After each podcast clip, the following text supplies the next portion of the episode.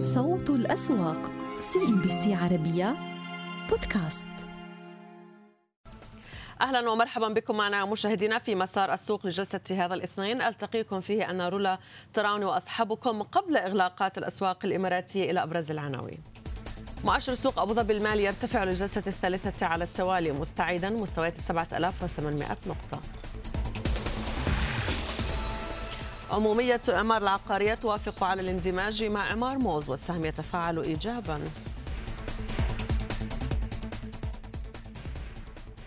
مؤشر الكويت الرئيسي يتراجع منهيا سلسلة من الارتفاعات اليومية استمرت لست جلسات. وكيف أغلقت الأسواق الإماراتية؟ نلقي نظرة على كلا المؤشرين. وجدنا مسار الجلسة كان يتجه إلى مكاسب لكلا السوقين. لدينا دبي يعكس الاتجاه إلى تراجع بفارق 10 نقطة المئوية ومستويات 2770 نقطة. أبو ظبي العاصمة يستعيد نوع من الخسائر أو التصحيح الذي مر به الأسبوع الفائت ويأتي تقريبا ب 17 نقطة من المكاسب عند 7782 نقطة. ماذا عن تداولات الجلسة؟ ونتابع. لدينا في سوق دبي نشاط ركز على دبي للاستثمار عند 8 ملايين و300 ألف سهم ديار 6 ملايين و600 ألف سهم GFH 6 ملايين وربع مليون إعمار 6 ملايين سهم وكسر إعمار عندنا الأربع دراهم هبوطا. الاتحاد العقارية يستمر جلسة من جني الأرباح وجلسة من الارتفاع. الاتحاد العقاري 4 ملايين و800 ألف وأغلق السهم لدينا طبعا عند مستويات كان قد غادرها طبعا نهاية تداولة الأسبوع الفائت. أعود إلى أكبر الرابحين. يستعيد أو لدينا الإمارات المرطبات بالنسبة للأسهم الربح حبذا لو حدثنا قائمة الربحية في سوق دبي على الإغلاقات وأيها كان الأعلى في نسبة الإغلاق. إذا الخسائر طالت كل من مصرف السلام البحريني شعاع الإثمار الرمز ودبي للاستثمار. ونتابع في سوق العاصمة الإماراتية أبو ظبي كيف كانت الإغلاقات لدينا. النشاط تركز على الدار العقارية ب 64 مليون و300 ألف سهم أدنك الحرف الحفر 92 إلى 93 مليون وأغلق أدنوك الحفر عند ثلاث دراهم وأربع فلوس. بنك أبو ظبي الأول يعود من جديد طبعا ويستكمل رحلة الصعود. أدنوك للتوزيع أيضا كان لدينا على مكاسب مصاحبة للنشاط ورأس الخيمة العقارية كان نشط مع ارتفاعات. ماذا عن لدينا أكبر الرابحين في سوق العاصمة الإماراتية أبو ظبي؟ الإماراتية ESG المجموعة طبعا ارتفعت بال limit up اليوم القدرة تقريبا بال limit up. بالمز سبورت نقطتين وسبع أعشار أيضا. حبذا لو حدثنا أيضا قائمة الربحية في نهاية الجلسة. والخسائر طالت لدينا كل من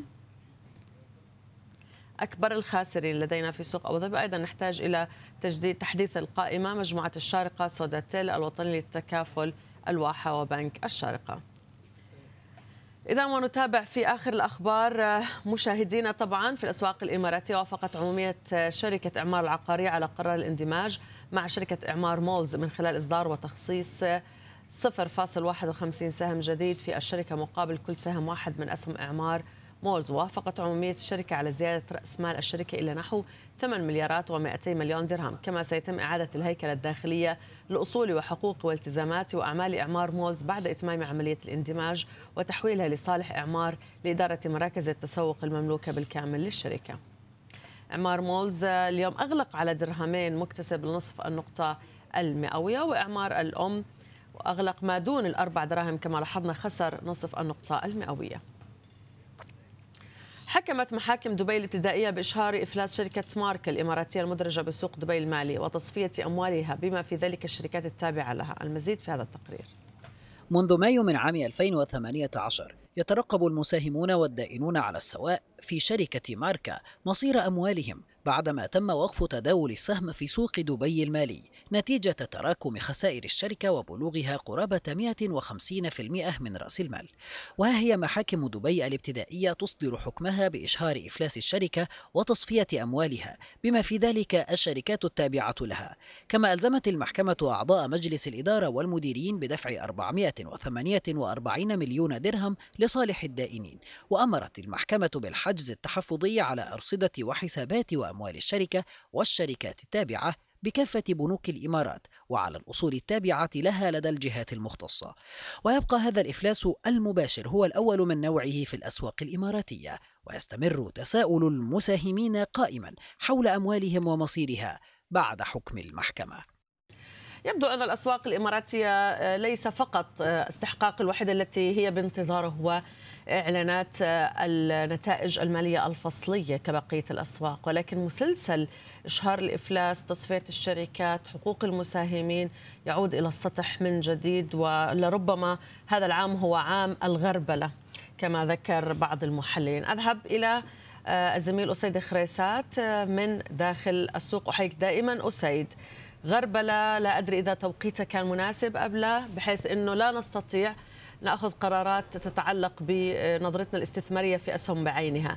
لكن إعمار اليوم هو الذي يشغل البال. مولز إعمار مولز على درهمين وإعمار الأم أقل من أربع دراهم. هاي الأجواء كلها في هذا القطاع. كيف تجدها اليوم؟ أهلا بك رولا بالساده المشاهدين. يعني بالنسبة لقصة إعمار وإعمار مولز كما تعلمين وليس بالجديد. وبالتالي قد تم تسعيره في في السابق وهو أيضا يتحاول يعني يحاول اختراق بعض مستويات الدعم.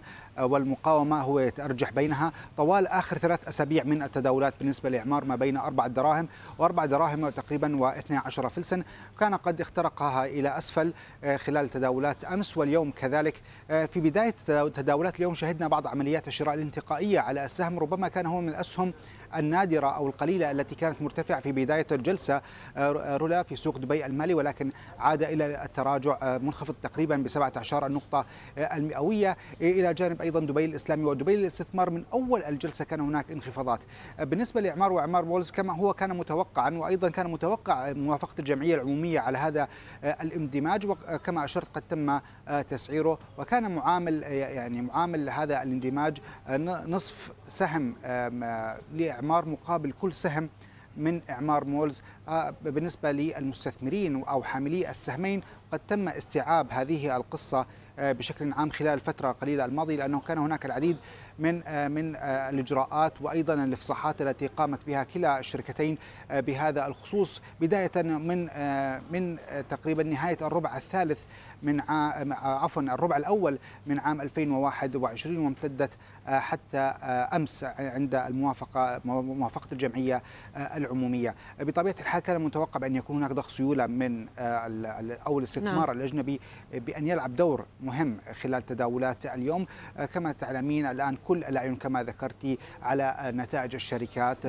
الربع الثالث من هذا العام وكيف سوف تكون على الأقل نحن بصدد انتظار الشركات نعم. القيادية خصوصا في القطاع المصرفي عادة ما نترقبها بكثب لأنه هي توضح تقريبا أين يتجه أو أين التوجه حتى نهاية عام 2021 وهل كان هناك تحسن وانتعاش آه، كما تشير الإحصاءات نعم. وأيضا آخر الأرقام فيما يتعلق بالقطاع العقاري طيب. وأيضا القطاع المصرفي أو القطاعات غير النفطية بشكل عام في دولة الإمارات المصرف المركزي نعم. الإماراتي آخر توقعاته بأن يرتفع الناتج المحلي الإجمالي غير النفطي في الإمارات خلال 2021 بنسبة 3.8% أما بالنسبة لقيم التداولات تقريبا كان هناك تحسن بالأمس لم نتجاوز ال 90 مليون 91 مليون نعم. درهم اليوم تقريبا 130 مليون درهم تقريبا نفس جميل. المعدلات طيب. اليوميه التي يسجلها آه، سوق دبي يعني هذه الأرقام آه، حقيقية أرقام شفافة ولكن لا أدري ما هي أصداء السوق آه، أسيد يعني ما عندنا يوم نخلص أسبوع إلا بندخل في أسبوع آخر. في عندنا دائما كأنه في قائمه يجب أن نعيد النظر فيها. وسأكون في غاية الدقة في, في كلامي. يعني من أرابتك إلى دريك آند سكل ثم ندخل في دبي باركس آند ريزورتس ثم ندخل في الاتحاد العقارية واليوم إلى ماركة ولا ندري من التالي. كل ذلك كيف وجدت أصداؤه في السوق اليوم؟ يعني ربما أو عادة ما يكون الدواء مر يا رولا. آه، إذا بجواب آه، جوابا على سؤالك يعني وكما أشرت إلى مصطلح الغربلة هو أمر لابد منه خصوصا بالنسبة للشركات التي عانت لعدة سنوات وكان هناك عدة يعني آه، عدة إجراءات قد قد تمت على الأقل خلال الثلاث أو أربع سنوات الماضية ولكن لم نلاحظ هذا التحسن الملموس. ربع إيجابي وربع وربعين آخرين سلبيين. كما تعلمين وأنت من خير المتابعين بالنسبة لنتائج الشركات وخصوصا في القطاع العقاري أو الشركات التي كان عليها علامة استفهام منذ سنوات. وبالتالي ربما يكون الدواء مر ولكن لا بد منه. وبلا شك كلما كان أسرع كلما كان أفضل. وأيضا هو بطبيعة الحال ربما يعني يكون طريقة غير مباشرة لتغيير نعم. آه، إذا صح التعبير تغيير الدم في مجرى شرايين خصوصا سوق دبي المالي. عكس ما حصل في سوق أبو ظبي منذ بداية عام 2021 والكل أيضا يتجه حتى بالنسبة للمستثمرين لنكون بصراحة وأنقل لكم الصورة. رولا هناك العديد من المستثمرين ينظرون إلى الفرص الواعدة الموجودة في سوق أبو ظبي. نوعا ما يكون هناك تخارجات ما عدا الاستثمارات طبعا طويلة نعم. المدى في الاسهم القيادية والبلو شيبس الموجودة في سوق دبي طيب. المالي. حتى المضاربات هي في سوق باتت في سوق أبو ظبي اعلى منه في سوق دبي المالي. وبالتالي هذه المراجعات أو هذه أيضا الأحكام الصادرة سواء من محاكم دولية أو محلية بخصوص تلك الشركات هي ضرورة لابد منها وبأسرع وقت. طيب خلينا نذهب إلى ما هو ملموس ما تم التصريح به أدنوك للحفر بيان الشركة السابق عن آه، منهجية التوزيعات الأرباح السهم اليوم يغلق ما فوق الثلاث دراهم آه، وكأنه في عنا ثقة آه، بطبيعة منشأ الشركة وطبيعة استراتيجيات اليوم. أسعار النفط ما بتنسى عندك وخاصة إذا ذكرنا أوبك ما بدنا نطلع على ال WTI. إحنا نتحدث عن أسعار تفوق ال 80 دولار وبالتالي أي استثمارات في قطاع النفط والحفر وغيره حتكون لصالح هاي الشركات. هل ممكن لو فكرنا نعمل اليوم خط متوازي مع ارتفاع أسعار النفط وادنك للحفر؟ هل ممكن نشوف في توازي أسيد؟ هل اليوم إقبالي على سهم أدنك للحفر هيكون متوازي مع أسعار النفط المرتفعة؟ يعني رولا بالنسبة لأدنك هو الذراع النفطي لدولة الإمارات. بشكل عام وبالتالي الثقة عالية حتى بالنسبة للمؤسسات آه، المؤسسات المالية الدولية أو العالمية. هي وبحسب آه، آخر تصنيفاتها هي جيدة جدا لجميع سواء لأدنك أو الشركات التابعة لها.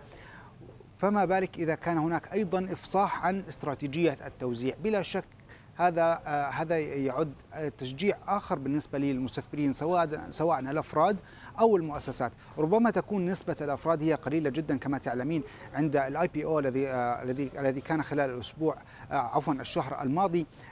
ولكن نوعا ما أيضا شهدنا إقبال واضح حتى أثر على السيولة في سواء في سوق دبي أو في سوق أبو ظبي لأنه كان هناك عملية تسييل وذلك للاستفادة من الأموال والدخول في هذا الاكتتاب الاكتتاب الجديد. شركة تقريبا آه، حكومية ذات صيت جيد. آه، كما أشرت هي الذراع النفطي بالنسبة لدولة الإمارات تسعى وتخطط للوصول إلى إنتاج يتجاوز ال 4000 برميل يوميا. آه، أيضا بالنسبة لعمل للعمليات التشغيلية بالنسبة لأدنك بطبيعة الحال كان هناك إدخال التكنولوجيا كما نعلم يعني استثمارات بالمليارات.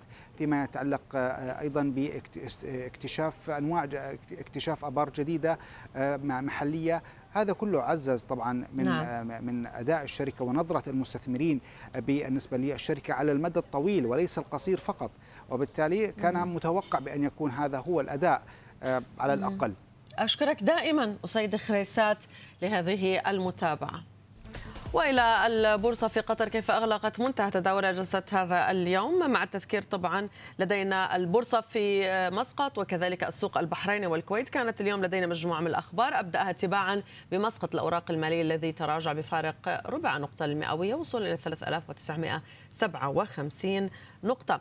وننتقل إلى النشاط. وأين استثمرت السوق جلفار الهندسة بقرابة 8 ملايين سهم. الأنوار لبلاط السيراميك مليون و300 ألف مع ميل لتراجع في القيمة السوقية. البنك الوطني العماني بنك HSBC عمان الوطني العماني للهندسة كانت أيضا على نشاط. الربحية من نصيب سحار للطاقة 6 و18 من الارتفاع. جلفار الهندسة أيضا كان على القائمة. الرؤية للتأمين الباطنة للطاقة المتحدة للتأمين. الخسائر طالت لدينا كل من ظفار لدينا 9 من التراجع. الأنوار كان على 8% من التراجع. الوطني لمنتجات الألمنيوم 7% الجزيرة للمنتجات الحديدية. وكامل باور أيضا كانت على خسائر. إلى السوق البحريني وتداولات جلسة هذا الاثنين. أتمتها السوق على تراجع بفارق 10 نقطة المئوية إلى 1698 نقطة إلى النشاط. وأين استثمرت السوق في بنك السلام مليون و300 ألف GFH جلسة للاستراحة بعد ارتفاعات بالأمس في سوق الأم البحرين في الكويت. وجدنا كذلك في دبي بنك البحرين والكويت إلى تراجع بتلكو الاتصالات البحرينية قرابة 350 ألف سهم نتداول عليها وألبا لدينا بحدود 340 ألف. أما المكاسب فكانت من نصيب فقط ثلاث أسهم البحرين للسينما الأهلي المتحد وبنك البحرين الوطني. والخسائر طالت لدينا في منتهى التداولات. فقط أربعة أسهم بنك البحرين والكويت 2% بنك السلام بتلكو و APM Terminals أيضا كان على تراجع ب 20 نقطة. وننتقل إلى البورصة في قطر. إغلاقات مناسبة كانت اليوم بقرابة 10 نقطة المئوية على الرغم من التذبذب الواضح الذي لاحظناه في أعمال الجلسة ليغلق السوق عند ال 11568 نقطة النشاط وإن استثمرت السوق في منتهى التداولات الخليج الدولي للخدمات يعود إلى الصدارة 60 مليون و4 مليون سهم. بلدنا 21 مليون سهم أيضا من التداولات. قام كول استثمار القابضة مساعيد جميعها كانت على نشاط مصاحب كما نلحظ طبعا لارتفاع في القيمة السوقية. ونتابع أيضا في أكبر الرابحين. الخليج الدولي للخدمات 4% المناعي تقريبا 3% المستثمرين القطريين قطر الإسمنت وقامكو. إلى مكاسب والخسائر طالت لدينا في منتهى الجلسة. كل من الفالح التعليمية الدوحة للتعليم مقدام القابضة أريد وكذلك ناقلات. ارتفعت أرباح شركة قطر لصناعة الإسمنت في الربع الثالث من العام الجاري بنحو خمسة أضعاف عن الفترة المقابلة. من العام الماضي وصولا إلى 73 مليون ريال بدعم من نمو المبيعات. كذلك صعدت أرباح الشركة التي تستأثر على نحو 70% من سوق الإسمنت في قطر خلال الأشهر التسعة الأولى من عام 2021 بنسبة 107% على أساس سنوي إلى 167 مليون ريال. ودعم نمو الأرباح الفصلية للشركة زيادة مبيعات الإسمنت والرمل المغسول بنسبة 13% وصولا إلى 173 مليون ريال. قطر الإسمنت يغلق على مكاسب بنقطة وسبع عشر عند مستويات 5 ريالات و11 درهما قطريا. قال وزير الطاقة القطري إنه تم جمع 12 مليارا ونصف مليار دولار في آخر إصدار سندات لشركة قطر للطاقة مؤكدا على أن هذه الأموال لم تستخدم حتى يتم التأكد من الامتلاك الكافي للسيولة. موضحا أن قطر للطاقة لا تعتزم طرح أصولها للمستثمرين وذلك بعد إعلان الشركة تغيير اسمها من قطر للبترول لتصبح قطر للطاقة من أجل أن تعكس استراتيجية أوسع نطاقا للطاقة. وأشار الوزير إلى أنه قد تم الوصول إلى الطاقة القصوى بإعطاء جميع العملاء الكميات المستحقة لهم.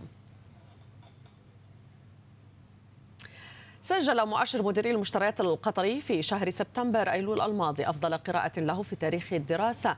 عند 60.6 مقابل قراءة عند 58.2 في أغسطس آب الماضي. وبحسب الدراسة الصادرة عن IHS Markit فقد ارتفعت مؤشرات الإنتاج والطلبيات الجديدة والأنشطة الشرائية بثاني أعلى معدل لها في تاريخ الدراسة. فيما تراكمت الأعمال غير المنجزة بمعدل أسرع رغم تكثيف أنشطة التوظيف. وأشارت بيانات الدراسة إلى ارتفاع توقعات النشاط التجاري للاثني عشر شهرا المقبلة لأعلى مستوى لها منذ عام تقريبا وسط تزايد الضغوط على الأجور والقدرة الإنتاجية. ونلقي نظرة على إغلاقات السوق الكويتي. كانت قد امتزجت الأرقام اليوم يعني مطلع الجلسة ربع نقطة المئوية متوسط التراجع لكل المؤشرات ويغلق أيضا بمتوسط 18 نقطة المئوية لجميع هذه المؤشرات. المؤشر العام تراجع إلى 6829 نقطة. الأول تراجع ل 7411 والرئيس تراجع إلى 5698 نقطة عن النشاط وإن استثمرت السوق. الصفات للاستثمار التي تعود من جديد إلى السوق بسعر متداول جديد آه، بعد غيابها. آه، والأولى البيت أعيان منازل جميعها كانت على نشاط في منتهى الجلسة. وأعلنت بورصة الكويت عن بدء التداول في أسهم شركة الصفات للاستثمار في السوق الرئيس ضمن قطاع الخدمات المالية وذلك اعتبارا من هذا اليوم. ويأتي ذلك بعد توقف دام ثماني سنوات لتداول سهم الصفاء للاستثمار في البورصة الكويتية. وقال رئيس مجلس إدارة شركة الصفاء الكويتية عبد الله التركيت في حوار خاص مع CNBC عربية قال إن عملية إعادة الهيكلة تمت على ثلاثة محاور من آه، على رأسها لتسديد المديونيات بنحو 60 مليون دينار كويتي وتسوية القضايا المرفوعة ضد الشركة والتي تبلغ أو يبلغ عددها أكثر من 85 قضية والتخارج من عدد من الاستثمارات التي تأثرت في الفترة الماضية. إعادة هيكلة الشركة آه، كانت من ثلاث نواحي أساسية. من الناحية المالية حيث تم تسوية جميع الديون مع خمس جهات مختلفة. و حجم هذه الديون كان كان حجم الديون يفوق 60 مليون دينار اليوم نتكلم بحجم ديون تساوي صفر آه، من الناحيه الثانية الناحية القانونية كان هناك أكثر من 85 قضية متداولة بقيمة تفوق ال 80 مليون دينار كويتي تم تسوية جميع القضايا بشكل كان يأثر على استمرارية الشركة. الناحية الثالثة والمهمة أصول واستثمارات الشركة. حيث تم التخارج من بعض الأصول التي تأثرت من خلال الفترة السابقة في أعمال التشغيلية لهذه الأصول منها استثمارات معظمها خارجية كانت وتم التركيز على الاستثمارات المحلية فتم إعادة هيكلة الشركة من ثلاث نواحي أساسية. الحمد لله هذه الهيكلة شكلت أرباح متتالية لست سنوات سابقة من 2014 من تخفيض رأس المال إلى 2020 البيانات الأخيرة تم الحمد لله تحقيق أرباح متوازية وتم توزيع أسهم منحة خلال البيانات المالية السابقة وللعلم آخر توزيع كان أتوقع في عام 2008 فتم توزيع 2020 بعد انقطاع أكثر من 12 سنة. وما هي أهم الأصول الحالية لدى شركة الصفوت؟ أخت نجوى إحنا عندنا خمس قطاعات رئيسية، القطاع الأساسي العقاري، عندنا بعض الأراضي اللي تملكها الشركة بشكل مباشر غير مباشر تم تشغيلها وتطويرها. آه، الجانب الصناعي عندنا استثمارات مباشرة من خلال ثلاث مصانع مختلفة، المطبعة العصرية، عندنا مصنع السجاد الوحيد بالكويت تقريبا 20 ألف متر في صبحان. حصة الشركة تفوق 51% عندنا أيضا مصنع الشرق الأوسط لل Chemicals حصة الشركة أيضا تفوق ال 50% وأيضا عندنا حصة في شركة شعيبة الورقية تتجاوز 8% الجانب الثالث هو الجانب الطاقة حصتنا في شركة Synergy المختصة في الخدمات النفطية. وأيضا في الرعاية الصحية عندنا حصة في مستشفى الكويت ومركز صفات اللي موجود في منطقة آه، ميدان حولي. بالإضافة إلى الخدمات المالية التي تقدمها جميع شركات الاستثمار. صوت الأسواق CNBC عربية بودكاست انتهت فترة المزاد للسوق السعودي لكن بقينا بالنطاق الأحمر اليوم.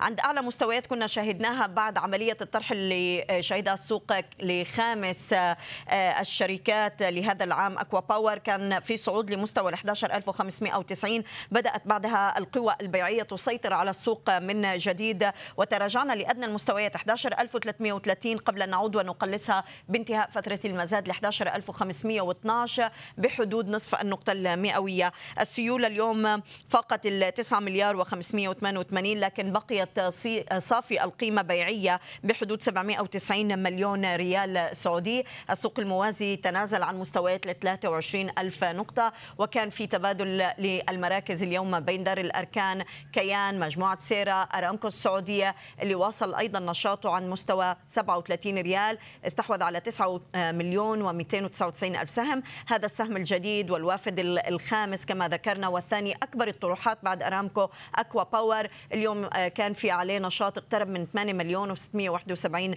آه، ألف سهم. وصلنا لمستوى ال 72 80 هللة مع نهاية الجلسة. أكبر الرابحين شهدناها على آه، أمانة للتأمين. إسمنت نجران إسمنت المنطقة الشمالية. عادت بعض أسهم الإسمنتات التي واجهت نوع من الضغوطات من بداية الأسبوع الماضي. اليوم لبعض المكاسب. إسمنت نجران عم بيضيف أكثر من 4% اسمنت المنطقة الشمالية كذلك ل 15.48 ورأينا سهم أمانة للتأمين على الصعود تبادل مراكز للتراجعات اليوم بين نسيج وسهم الصادرات اللي خسر قرابة الأربعة ونصف النقطة المئوية. شمس كذلك على تراجعات. وبوان خسر 4% لمستوى 38 75 هلل القياديات.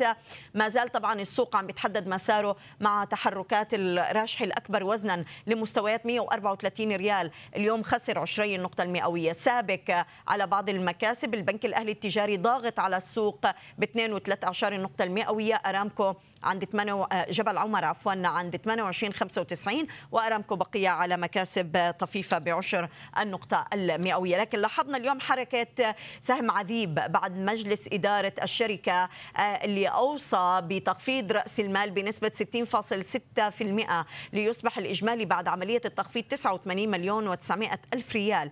آه، بيّنت الشركة أنه أعادت هيكلة رأس مالها هو لإطفاء الخسائر المتراكمة والبالغة 138 مليون ريال وأشارت إلى أنه لا يوجد أي أثر جوهري من تخفيض رأس المال على التزاماتها المالية. وكانت عذيب قد قلصت من خسائرها بفترة الربع الأول من عامها المالي بنسبة 1.3% على أساس سنوي لتصل إلى 12 مليون ريال. اليوم كان في أداء جيد قبل أن نعود ونقلص هذه المكاسب اللي فاقت 5% ل 18 النقطة المئوية. بقي السهم عن مستوى 30 ريال 35 هللة. للحديث أكثر حول تداولات السوق ينضم إلينا أستاذ محمد العمران رئيس المركز الخليجي للاستشارات المالية. أستاذ محمد أهلا بك معنا أولا. يا هلا والله حياكم الله جميعا.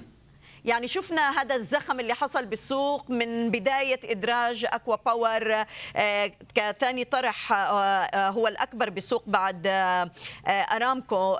لكن بدأت تدخل القوى البيعية بشكل مكثف بعد 90 دقيقة تقريبا من تداولات السوق وكسرنا مستويات مئوية مهمة. ل 11330 قبل أن نعود ونقلص هذه التراجعات. ما الذي حدث برأيك بعد هذا الطرح؟ آه، بسم الله الرحمن الرحيم. هو في الحقيقة من يوم أمس يعني أمس آه، سجلنا قمة جديدة فوق 11650 آه، ومن بعدها دخلنا في عمليات جني أرباح. كنا نتوقع أن جني الأرباح كان لتجهيز سيولة تمهيدا لإعادة إدخالها من جديد في السوق من خلال المضاربة على سهم أكوا باور بعد إدراجه هذا اليوم.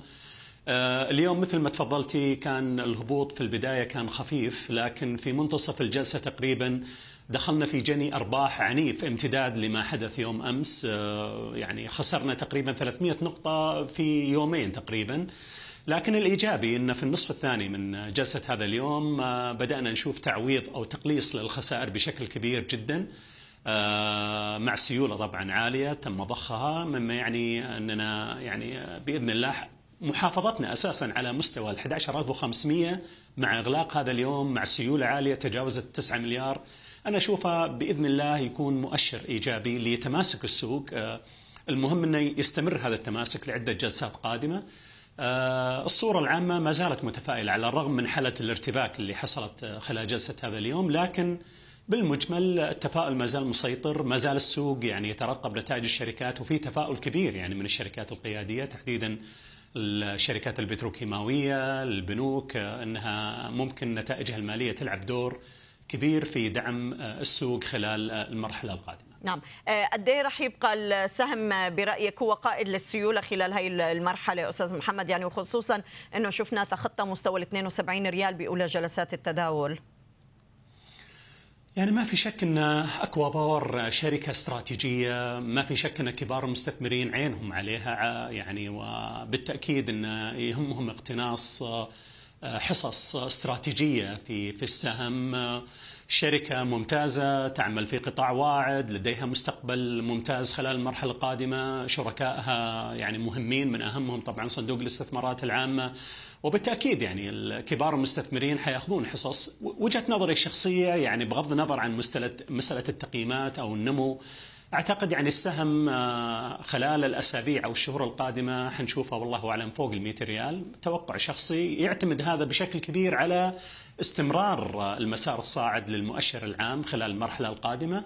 إذا شفنا فعلا آه، آه، إن المؤشر يحافظ على مساراته الصاعدة بالتأكيد إن هذا حيدعم سهم أكوا باور إنه ممكن نشوفه آه، فوق ال 90 أو 100 ريال خلال المرحلة القادمة. نعم. آه هذا هو الطرح الخامس أستاذ محمد. يعني إذا ما قارناه بالعام الماضي اللي اقتصر فقط على ثلاث آه اكتتابات أولية. اليوم في أخبار عم تتحدث لصحيفة المال إنه ممكن نشوف إدراج شركة تداول يعني بنسبة 30% آه قد إيه أكوا باور ستقود قاطرة ال IPOs بالسوق السعودي برأيك خلال هذا العام وقبل نهايته؟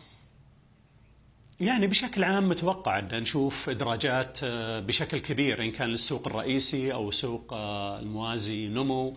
آه، لكن بالتأكيد يعني أنا أعتبر إدراج وطبعا قبلها الاكتتاب في اكوا باور أعتقد هذا أهم اكتتاب أو إدراج في السوق خلال هذه السنة. بوجهة نظري حتى أهم من فيما لو تم إدراج تداول فيما تبقى من شهور حتى نهاية هذا السنة.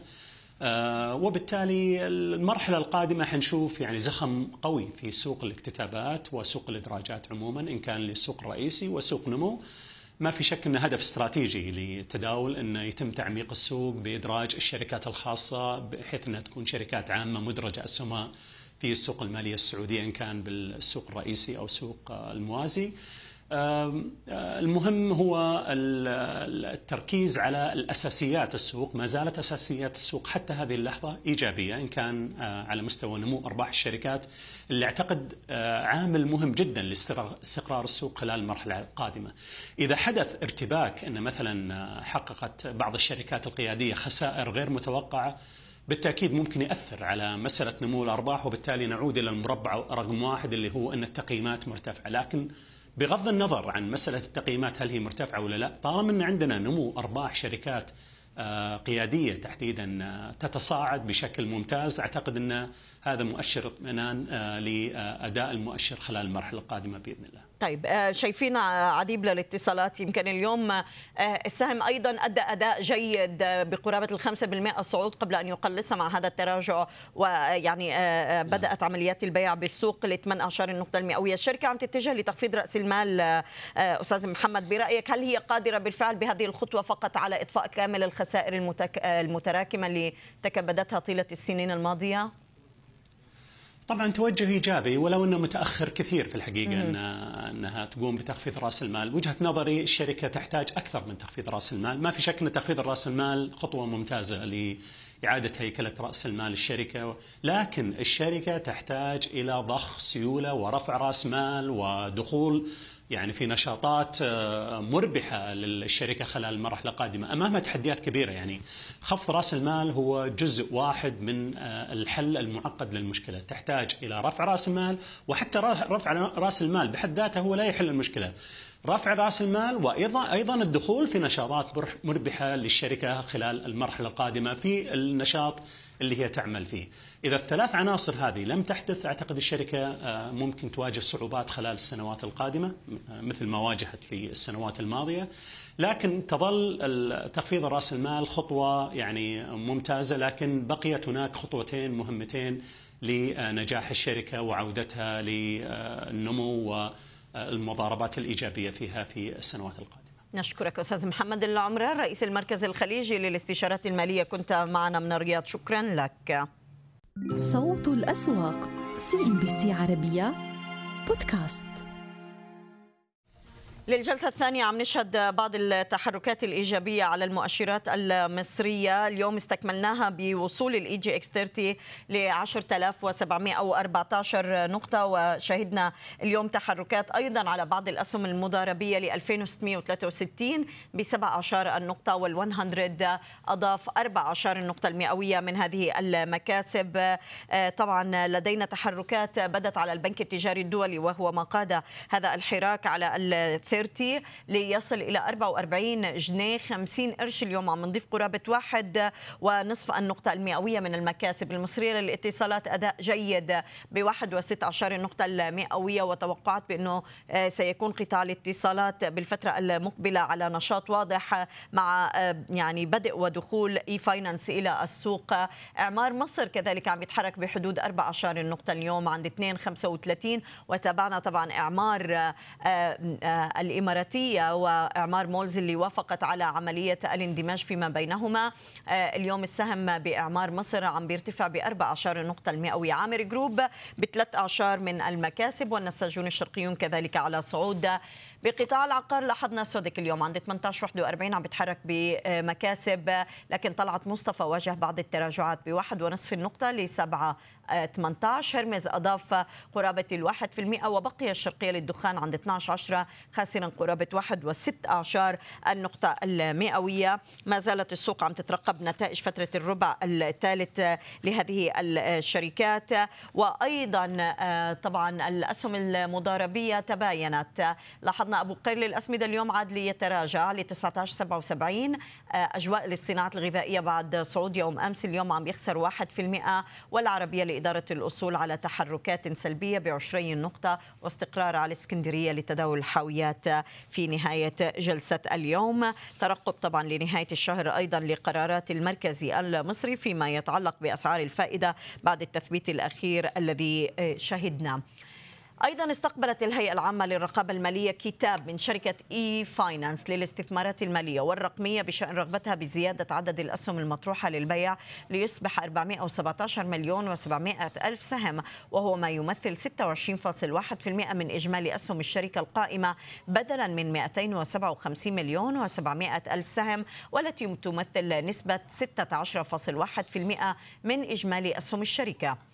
ووفقا لبيان الهيئة للبورصة جاء طلب إي فاينانس في ضوء زيادة الطلب على الأسهم بما يفوق الأسهم المعروضة بعدة مرات.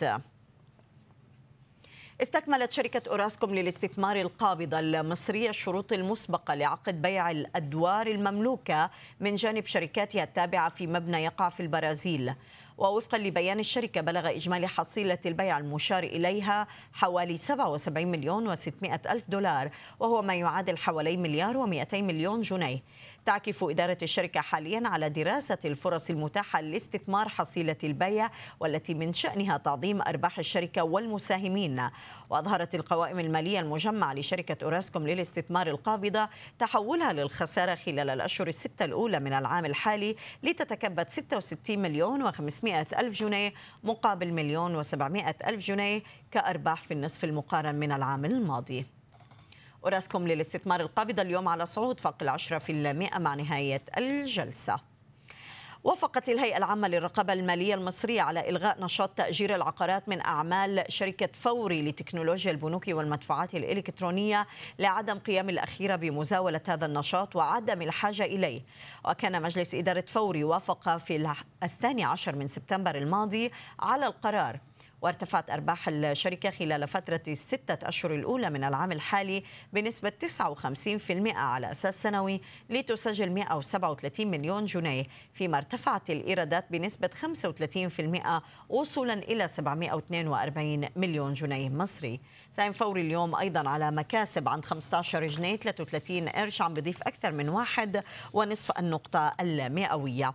نتحدث عن هذه التداولات تنضم إلينا رانيا يعقوب رئيسة مجلس إدارة شركة Three Way لتداول الأوراق المالية من القاهرة. رانيا أهلا بك معنا. عم نواصل يعني هذا الارتفاع لكن ما زالت التوقعات أنه يبقى السوق باتجاه عرضي على المدى القصير. وصلنا لل 10700 نقطة. هل هو محفز لمزيد من المراكز الشرائية؟ أم ممكن نبدأ أيضا بعملية جني الأرباح من جديد خلال تداولات هذا الأسبوع؟ مساء الخير واهلا بحضرتك.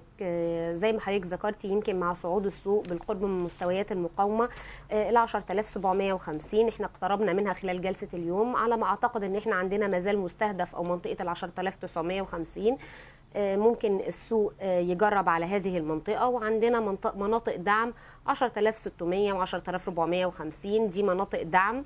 فبصورة عامة السوق بيتحرك بصورة عرضية ويمكن في تماسك واضح خلال الفترة الماضية ورغم الضغوط البيعية اللي بيواجهها السوق المصري. ولكن أغلب الأسهم الثلاثينية بنلاحظ عملية تماسك في عمليات البيع وفي عمليات الارتداد. بنشوف ارتدادات قوية وفي جزء من السيولة ابتدى يتجه بصورة أوضح إلى مؤشر ال EGX 30 ما زال ال EGX 70 بيعاني في في كثير من اسهمه من عمليات المضاربة أو من عمليات البيع وإغلاق المراكز الهامشية. نظرا من تخوفات الأفراد وتحركاتهم السريعة. إلى جانب طبعا وجود اكتتاب زي e-finance اللي متوقع إن هو هياخد جزء من سيولة الأفراد. علشان كده يمكن بنشوف بعض عمليات البيع في بعض الأسهم اللي حققت مستويات سعرية مرتفعة أو اتجاه الأفراد إن هم يدخلوا سهم زي e-finance في ظل الدعاية لهذه الشركة ونتائج أعمالها الجيدة وتوقعات السوق يمكن اللي انعكست على نسب التغطية المرتفعة وده اللي أدى إلى إن إن الشركة زودت الحصة المطروحة خلال جلسة اليوم. وهذا السؤال رانيا يعني بما إنه في مطالبات بزيادة الحصة المطروحة قد إيه عم بيكون في شهية اليوم لعملية الشراء والمخاطرة رغم القلق اللي عم بيحدث بالبورصة يعني الإقبال على الشركات الجديدة المدرجة قد يبقى عامل أمان بالنسبة للمستثمرين بهي بهذا التوقيت تحديدا برأيك؟ طيب خلينا نفرق إن الأحوال عامة في البورصة هي أحوال بتشوبها الترقب والقلق والخوف من القرارات والدراسات اللي بتتم سواء في مجلس النواب أو مع الجهات المسؤولة بشأن قرار أو فرض ضرائب الأرباح الرأسمالية وحالة من الانتظار من جانب الأفراد اللي بيمثلوا 80% من هيكل المتعاملين في السوق المصري. ولكن ده لم يمنع إن البضاعة الجيدة هتفرض نفسها. ولكن هنا السؤال بقى السيولة اللي هتدخل أو اللي هيتم اكتسابها هل الهدف منها ورغم وجود البضاعة الجيدة دي يعني لو أحوال السوق إيجابية ومفيش عوائق أتوقع أن السيولة دي هتقعد على المدى الطويل وعلى المدى المتوسط. ولكن رغم إن البضاعة جيدة ولكن أنا بتوقع هتجذب سيولة على المدى القصير كنوع من المضاربة والتخرج السريع لو شوف لو المستثمر الفرد شاف أي هامش ربحية. فهي هي ده السؤال. إحنا الهدف إن إحنا عايزين نجذب سيولة من هذه الطروحات تقعد في السوق لل- للمدى الطويل والمدى المتوسط ولا عايزينها تتداول على المدى القصير وتحقق هوامش ربحية سريعة وتخرج؟ وهنا من وجهة نظري مش هيبقى ده الهدف من الطروحات أو الطروحات مش هتحقق الهدف منها. ولكن خليني أرجع تاني لكتاب إي فاينانس ما حدث خلال اليوم ويمكن كان موجود في نشرة الطرح جملة جملة مهمة جدا وهذه الجملة كانت آه، بتقول إن لو الشركة شافت إن نسب التغطية مرتفعة بيحق للشركة إن هي تزود نسبة الطرح وده فعلا اللي إحنا شفناه. فمع إعلان الشركة اليوم زيادة نسبة الطرح بصورة عامة آه، ده معناه إن عملية التغطية في الاكتتاب الخاص كانت مرتفعة وده اللي أدى إلى آه، الشركة إن هي اخذت هذا القرار. وده معناه إن في شهية من جانب الأفراد شهية من جانب المؤسسات يمكن إحنا دلوقتي في الاكتتاب الخاص فمن الواضح إن في شهية مرتفعة للدخول في هذا الاكتتاب. نعم. حنشوف خروج سيولة من فوري لتتجه إلى e-finance بما أنه هي المنافس لفوري رانيا بال بال بالفترة ال- ال- القادمة برأيك؟ هو في الحقيقة ما يحدث حاليا هو مغاير لهذا الأمر. يعني يمكن. إحنا فوري على مدار أو على خلال الشهور اللي فاتت كانت في اتجاه هابط ويمكن آه، منذ عدة جلسات ابتدينا نشوف اتجاه السيولة ليها وعودة للصعود والارتداد مرة أخرى. بالعكس يمكن السيولة ما خرجتش ولكن آه، بدافع من نزول e-finance وتوقعات إن ممكن نشوف حركة إيجابية على تداولات السهم ولو على المدى القصير. ده يمكن شجع وعزز عودة السيولة مرة أخرى إلى فوري. نعم. بالمقابل إحنا شايفين يعني بعض الأخبار عم تتحدث إنه لجنة اللجنة المسؤولة عن إدارة برامج الطروحات الحكومية ستبدأ اجتماعاتها لتحديد الإطار الزمني للطروحات القادمة بعد الانتهاء من e-finance آه، رانيا هل سيجر e-finance الطروحات الحكومية بشكل أسرع برأيك؟ آه، أم سيكون هو فقط فترة مؤقتة ل آه، يعني لترى الحكومة كيف راح يتجاوب المستثمر والصناديق مع طرح e-finance من وجهة نظري إن e-finance تعتبر البوابة اللي هتفتح لينا عودة مرة أخرى الطروحات الحكومية. يمكن إحنا منتظرين بنك القاهرة وطال انتظارنا لاكتتاب بنك القاهرة وطرحه في البورصة المصرية آه، خاصة إن تم الإعلان عن هذا الأمر منذ عدة سنوات وكان السوق دايما بيستعد وكنا في انتظار عملية الترويج وجاءت وجاء عام كورونا للأسف ليتم تأجيل هذا الطرح الهام واللي بينتظر السوق خاصة بعد إعادة الهيكلة اللي تمت على البنك. فبالتالي أتوقع إن الفترة القادمة إن إحنا نشوف بنك القاهرة. أتوقع إن إحنا نعود مرة أخرى لبرنامج الطروحات الخاص بقطاع الأعمال. ولذا يعني أنا مر يعني أنا هستغل الفرصة وللمرة المليون يمكن آه، هأعيد مرة أخرى. إحنا محتاجين السيولة اللي هتدخل تقعد في البورصة المصرية على المدى الطويل وعلى المدى المتوسط مش محتاجينها تبقى هوت ماني مش محتاجين إن هي تدخل وتخرج بسرعة. نتيجة آه، التخوفات من وجود آه، أي عوائق زي ضريبة الأرباح الرأسمالية. لذا بندعو المسؤولين علشان الطروحات دي تقوم بدورها الفعال لأن هي طروحات قوية في قطاعات قوية آه، والسوق بينتظرها على مدار سنوات. فمش معقولة وإحنا بنفتح هذه البوابة الضخمة نفاجئ إن آه، في عائق لاجتذاب السيولة وإن هي تفضل موجودة في السوق لأن ده هيعود مردوده مش بس على الاكتتابات ولكن أيضا على باقي الشركات والقطاعات المطروحة في السوق المصري. طيب آه، سؤال أخير رانيا يعني إحنا اليوم بدأنا التداول على أسهم شركات بايونيرز القابضة بعد عملية التقسيم. أربع شركات مع تحديد الحدود السعرية للطروحات. قد إيه بنتوقع إنه يكون في تفاعل مع الشركات الجديدة بعد عملية التقسيم من قبل المستثمرين؟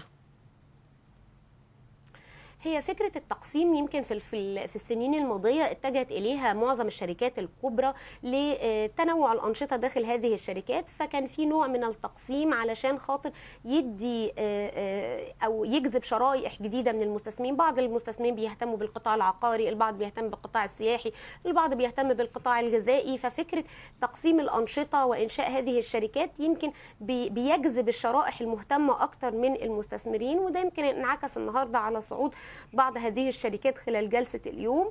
أنا ما زلت بقول إن ما يحدث في السوق المصري هو عملية إيجابية ولكن هي حالة ترقب.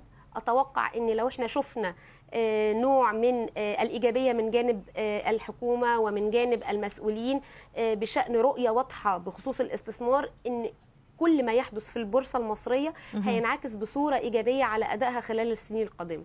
نشكرك رانيا يعقوب رئيسة مجلس إدارة شركة Three Way لتداول الأوراق المالية. كنت معنا من القاهرة.